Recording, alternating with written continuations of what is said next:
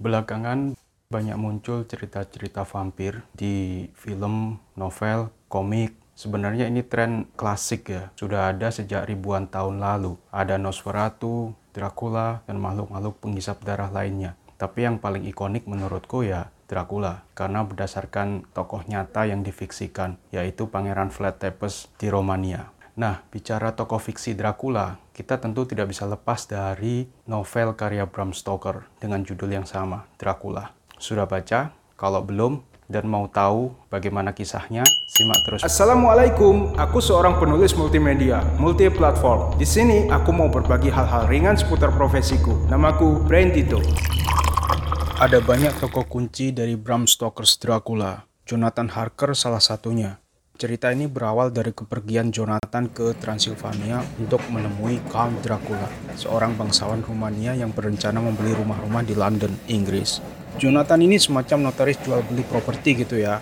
Nah, saat baru tiba di Transilvania, ternyata masyarakat setempat malah ketakutan mendengar rencana Jonathan mengunjungi kastil Dracula. Kalau perlu dibatalkan saja. Begitu kurang lebih saran mereka. Jonathan sempat bimbang, ada apa ini? Tapi dia tetap melanjutkan perjalanan. Ya iyalah, kalau nggak gitu bisa dipecat dia oleh bosnya di London kan. Jonathan kemudian naik kereta kuda. Banyak kejadian aneh dalam perjalanan itu, terutama setelah hari gelap. Salah satunya serigala-serigala hutan yang terus menguntit kereta kudanya. Tapi akhirnya sampailah Jonathan di kastil megah Dracula. Jonathan disambut oleh seorang pria berpakaian serba hitam yang tak lain adalah Count Dracula sendiri.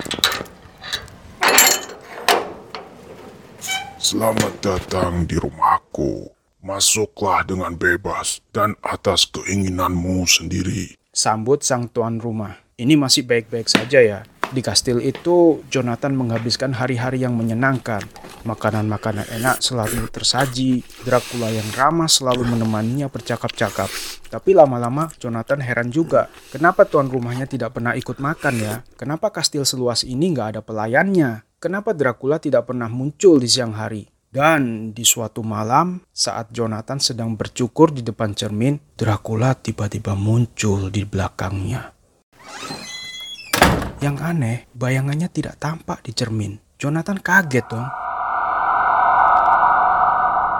Sampai-sampai pisau cukurnya melukai wajahnya. Nah, melihat darah yang merembet di wajah Jonathan itu, Dracula seperti gugup, seperti salah tingkah. Aneh.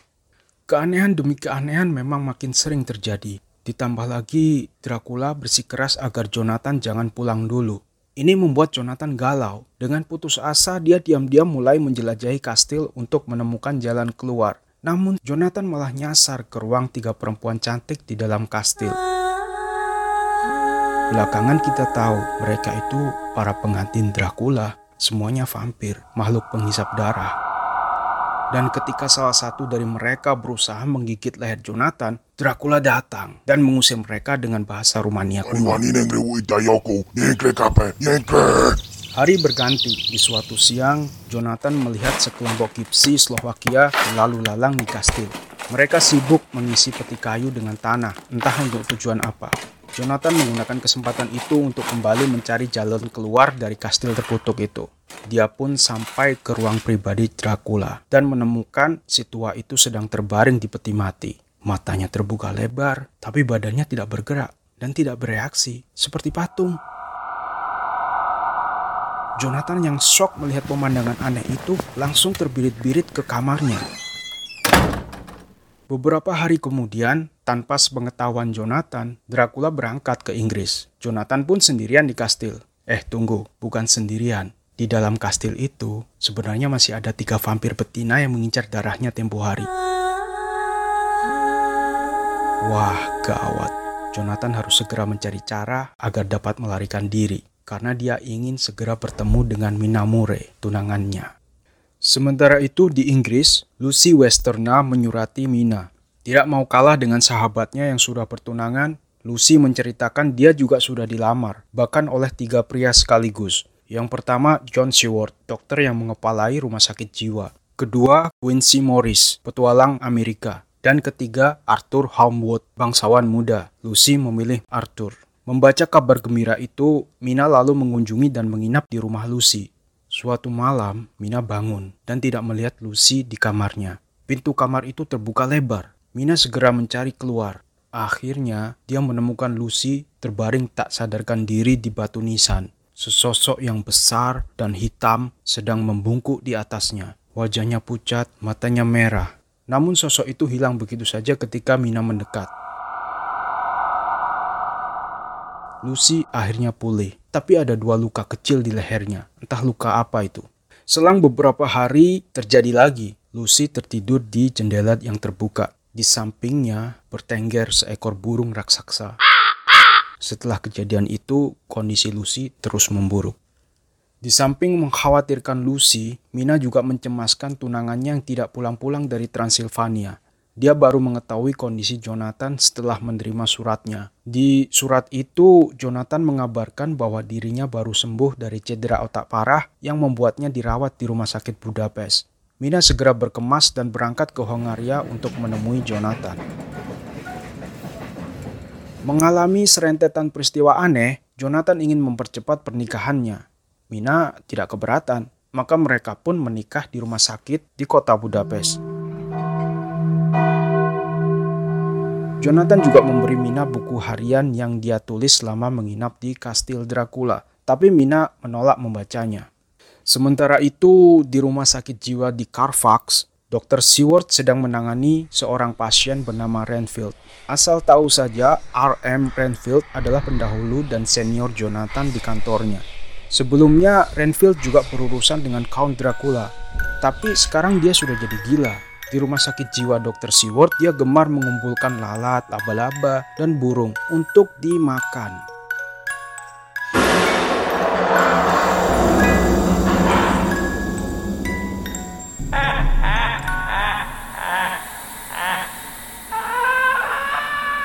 Dugaan Seward, pasiennya itu mengalami depresi dan trauma Renfield mengaku dia pernah melayani seorang laki-laki tidak dikenal yang mampu berkomunikasi dengan kelelawar dan serigala. Di kota Whitby, kondisi Lucy terus memburuk. Arthur, sang kekasih yang terpilih, meminta saran kepada Dr. Seward. Tapi Seward sendiri bingung dan akhirnya minta tolong ke Abraham Van Helsing, profesornya di Amsterdam yang biasa menangani penyakit-penyakit aneh. Van Helsing pun datang. Setelah memeriksa kondisi Lucy yang pucat dengan luka di lehernya, dia seperti langsung tahu penyebabnya. Namun sang profesor enggan mengungkapkannya kepada Dr. Seward. Padahal nasib sial terus menimpa Lucy. Hampir setiap malam, seekor kelelawar muncul di kamarnya. Kalau kelelawar itu datang, keesokan paginya Lucy pasti pucat dan lemas. Akhirnya Seward dan Van Helsing sepakat memberinya transfusi darah. Begitu juga Arthur dan Quincy. Sayang, usaha mereka berempat seakan sia-sia. Lucy tetap saja kekurangan darah, keadaannya bahkan bertambah parah. Lebih anehnya lagi, gigi taring Lucy seperti bertambah panjang. Kondisi terus memburuk, Lucy akhirnya mengembuskan napas terakhirnya. Kabar kematian Lucy sampai ke telinga Mina yang baru kembali ke Inggris. Di London, Jonathan juga mengaku melihat Count Dracula di tengah kerumunan orang bangsawan Romania itu tampak jauh lebih muda dan gagah dibanding penampilannya saat di kastil. Prihatin dengan kondisi suaminya yang seperti sering berhalusinasi, Mina akhirnya menyempatkan diri membaca buku harian Jonathan. Mina juga menerima permintaan Van Helsing untuk berbicara tentang almarhumah Lucy. Dari percakapan dengan Profesor Nyentrik itu, Mina mulai meyakini bahwa suaminya selama ini tidak sedang berhalusinasi. Setelah Lucy dimakamkan, sering terdengar berita-berita anak-anak yang hilang. Santer juga desas-desus tentang seorang perempuan cantik yang berpakaian hitam berkeliaran di malam hari. Van Helsing akhirnya memberitahu Seward bahwa Lucy telah berubah menjadi vampir. Dialah wanita yang selama ini dibicarakan oleh masyarakat. Seward tertawa. Van Helsing pun mengajaknya memeriksa kuburan Lucy. Ya, peti mati itu ternyata kosong. Anehnya, saat mereka kembali keesokan harinya, jenazah Lucy sudah berada di tempatnya lagi. Menurut Van Helsing, satu-satunya cara untuk membuat Lucy mati tenang adalah dengan membunuhnya. Semua orang bingung, kenapa orang yang sudah mati harus dibunuh lagi? Meski begitu, semua setuju untuk kembali memeriksa makam Lucy saat tengah malam. Benar saja, Lucy ternyata masih hidup. Dia berjalan dengan anak yang diduga calon mangsanya. Lucy marah begitu tahu ada tamu-tamu yang tak diundang. Van Helsing segera merapal mantra-mantra kuno. Ojo macem-macem, ojo macem-macem. Wah, Lucy mendesis ketakutan dan balik ke peti matinya. Pemandangan itu membuat semua orang syok. Keesokan siangnya, keempat pria itu kembali ke makam Lucy. Dengan berat hati, Arthur menancapkan pasak kayu ke jantung calon istrinya itu. Lucy menjerit dalam ketidakberdayaan. Namun, wajah pucatnya berangsur-angsur normal dan tampak begitu damai. Sejak kejadian itu, semua orang percaya dengan kata-kata Van Helsing. Keempat laki-laki itu pun bertekad untuk menemukan dalang yang menyebabkan teror ini. Mereka sepakat memburu Count Dracula. Jonathan dan Mina ikut bergabung. Mereka mengumpulkan semua info dari buku harian Jonathan, dari dokumen jual beli, dari clipping koran mengenai Count Dracula. Saatnya beraksi. Namun karena kondisi kesehatan Mina sedang drop, istri Jonathan itu diminta beristirahat di rumah saja. Sementara Van Helsing langsung memimpin perburuan ke properti-properti yang sudah dibeli Dracula. Akhirnya, di sebuah kapel yang berbau busuk, mereka menemukan 29 dari 50 peti mati yang dikirim Dracula ke Inggris. Misi penghancuran pun dituntaskan. Seorang penjaga rumah sakit jiwa meminta Dr. Seward datang menengok Renfield. Pasiennya itu tidak sadarkan diri akibat kecelakaan. Van Helsing lalu mengoperasinya hingga Renfield kembali sadar. Renfield sempat keceplosan memberitahukan bahwa Dracula sedang mengincar korban baru, yaitu Mina Harker. Seward dan Van Helsing pun buru-buru ke rumah Mina. Di sana, mereka melihat Jonathan terkapar di lantai, sedangkan Dracula yang memang tampak jauh lebih muda berdiri di samping ranjang. Dadanya yang berdarah menempel ke wajah Mina. dan kau kekasih terbaik mereka. Sekarang jadi milikku. Daging dari dagingku, darah dari darahku, kerabat dari kerabatku. Perasaan anggur yang melimpah ruah untuk sementara waktu. Dan kelak kau akan menjadi pendamping dan penolongku. Ucap makhluk abadi itu. Van Helsing langsung merapal mantra-mantranya. Dracula pun menyingkir, tapi Mina terlanjur bertukar darah dan berada di bawah pengaruh Dracula. Buktinya ketika Van Helsing menempelkan benda suci di dahinya, benda itu malah membakar kulit kening Mina. Kelompok Van Helsing melanjutkan perburuan dengan motivasi ekstra sekarang, yaitu menyelamatkan Mina. Hasilnya, mereka menemukan 49 dari 50 peti mati Dracula dan membakar semuanya. Saat menemukan peti terakhir, mereka bertemu Dracula langsung sebenarnya. Namun, sang pangeran kegelapan terlalu kuat bagi mereka, sehingga dia berhasil kabur lagi. Nah, untungnya pengaruh Dracula terhadap Mina ternyata dapat dimanfaatkan untuk mendeteksi keberadaan Dracula. Samar-samar, Mina melihat air dan papan yang berderit-derit. Vampir itu rupanya naik kapal menuju kota Varna, Bulgaria. Bersama Mina yang makin lemah dan linglung, kelompok Van Helsing berangkat dengan kereta api. Beruntung, mereka berhasil mencapai Varna sebelum kapal Dracula tiba. Sayangnya, mereka salah pelabuhan. Bagaimanapun Mina yakin Dracula kembali melaut. Dia pasti berencana balik ke kastilnya. Kelompok Van Helsing pun berpencar. Makin dekat Van Helsing dan Mina ke kastil, makin tidak menentu perilaku Mina. Dia tidur di siang hari dan tidak mau makan. Suatu malam, tiga vampir perempuan muncul dan mengajak Mina untuk mengikuti mereka. Untungnya, Van Helsing telah menempatkan benda suci di sekitar mereka sebagai pelindung. Ketiga vampir itu pun tidak dapat berbuat banyak.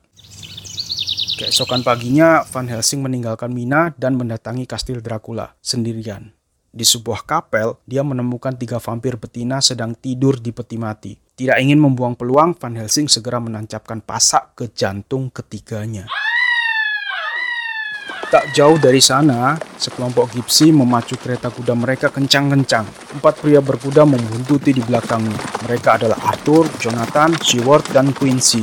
Kereta kuda yang dikemudikan para gipsi itu membawa peti mati terakhir yang berisi Count Dracula yang sedang tidur. Para gipsi melawan dengan sengit demi majikan mereka. Kuda-kuda perkasa mereka pacu makin kencang.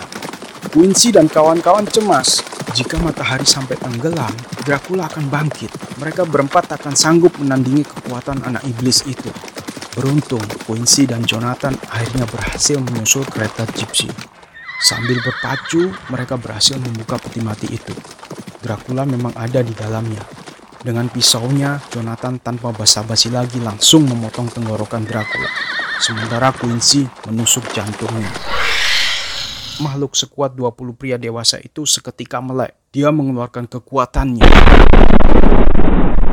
Mengempaskan Quincy dan Jonathan. Tapi karena luka di lehernya terlalu lebar dan lubang di jantungnya terlalu dalam, tubuh sang pangeran kegerapan terkapar dan perlahan hancur menjadi debu. Van Helsing dan Mina Harker kemudian datang menyusul. Sementara Quincy terbaring di tanah, terluka parah akibat pertarungannya dengan para Gypsy dan diperparah dengan hantaman penghabisan Kondracula. Namun Quincy tersenyum karena teror dari sang raja vampir telah usai dan tanda merah di dahi Mina sudah hilang. Semua orang tahu segalanya akan kembali indah setelah ini, meskipun nyawa Quincy tetap tidak terselamatkan. Nah, begitulah kurang lebih cerita dari novel klasik karya Bram Stoker, Dracula. Semoga kalian terhibur, semoga bermimpi indah. Terima kasih sudah menyimak. Sampai ketemu di podcast-podcast secangkir espresso Brandito berikutnya. Wassalamualaikum.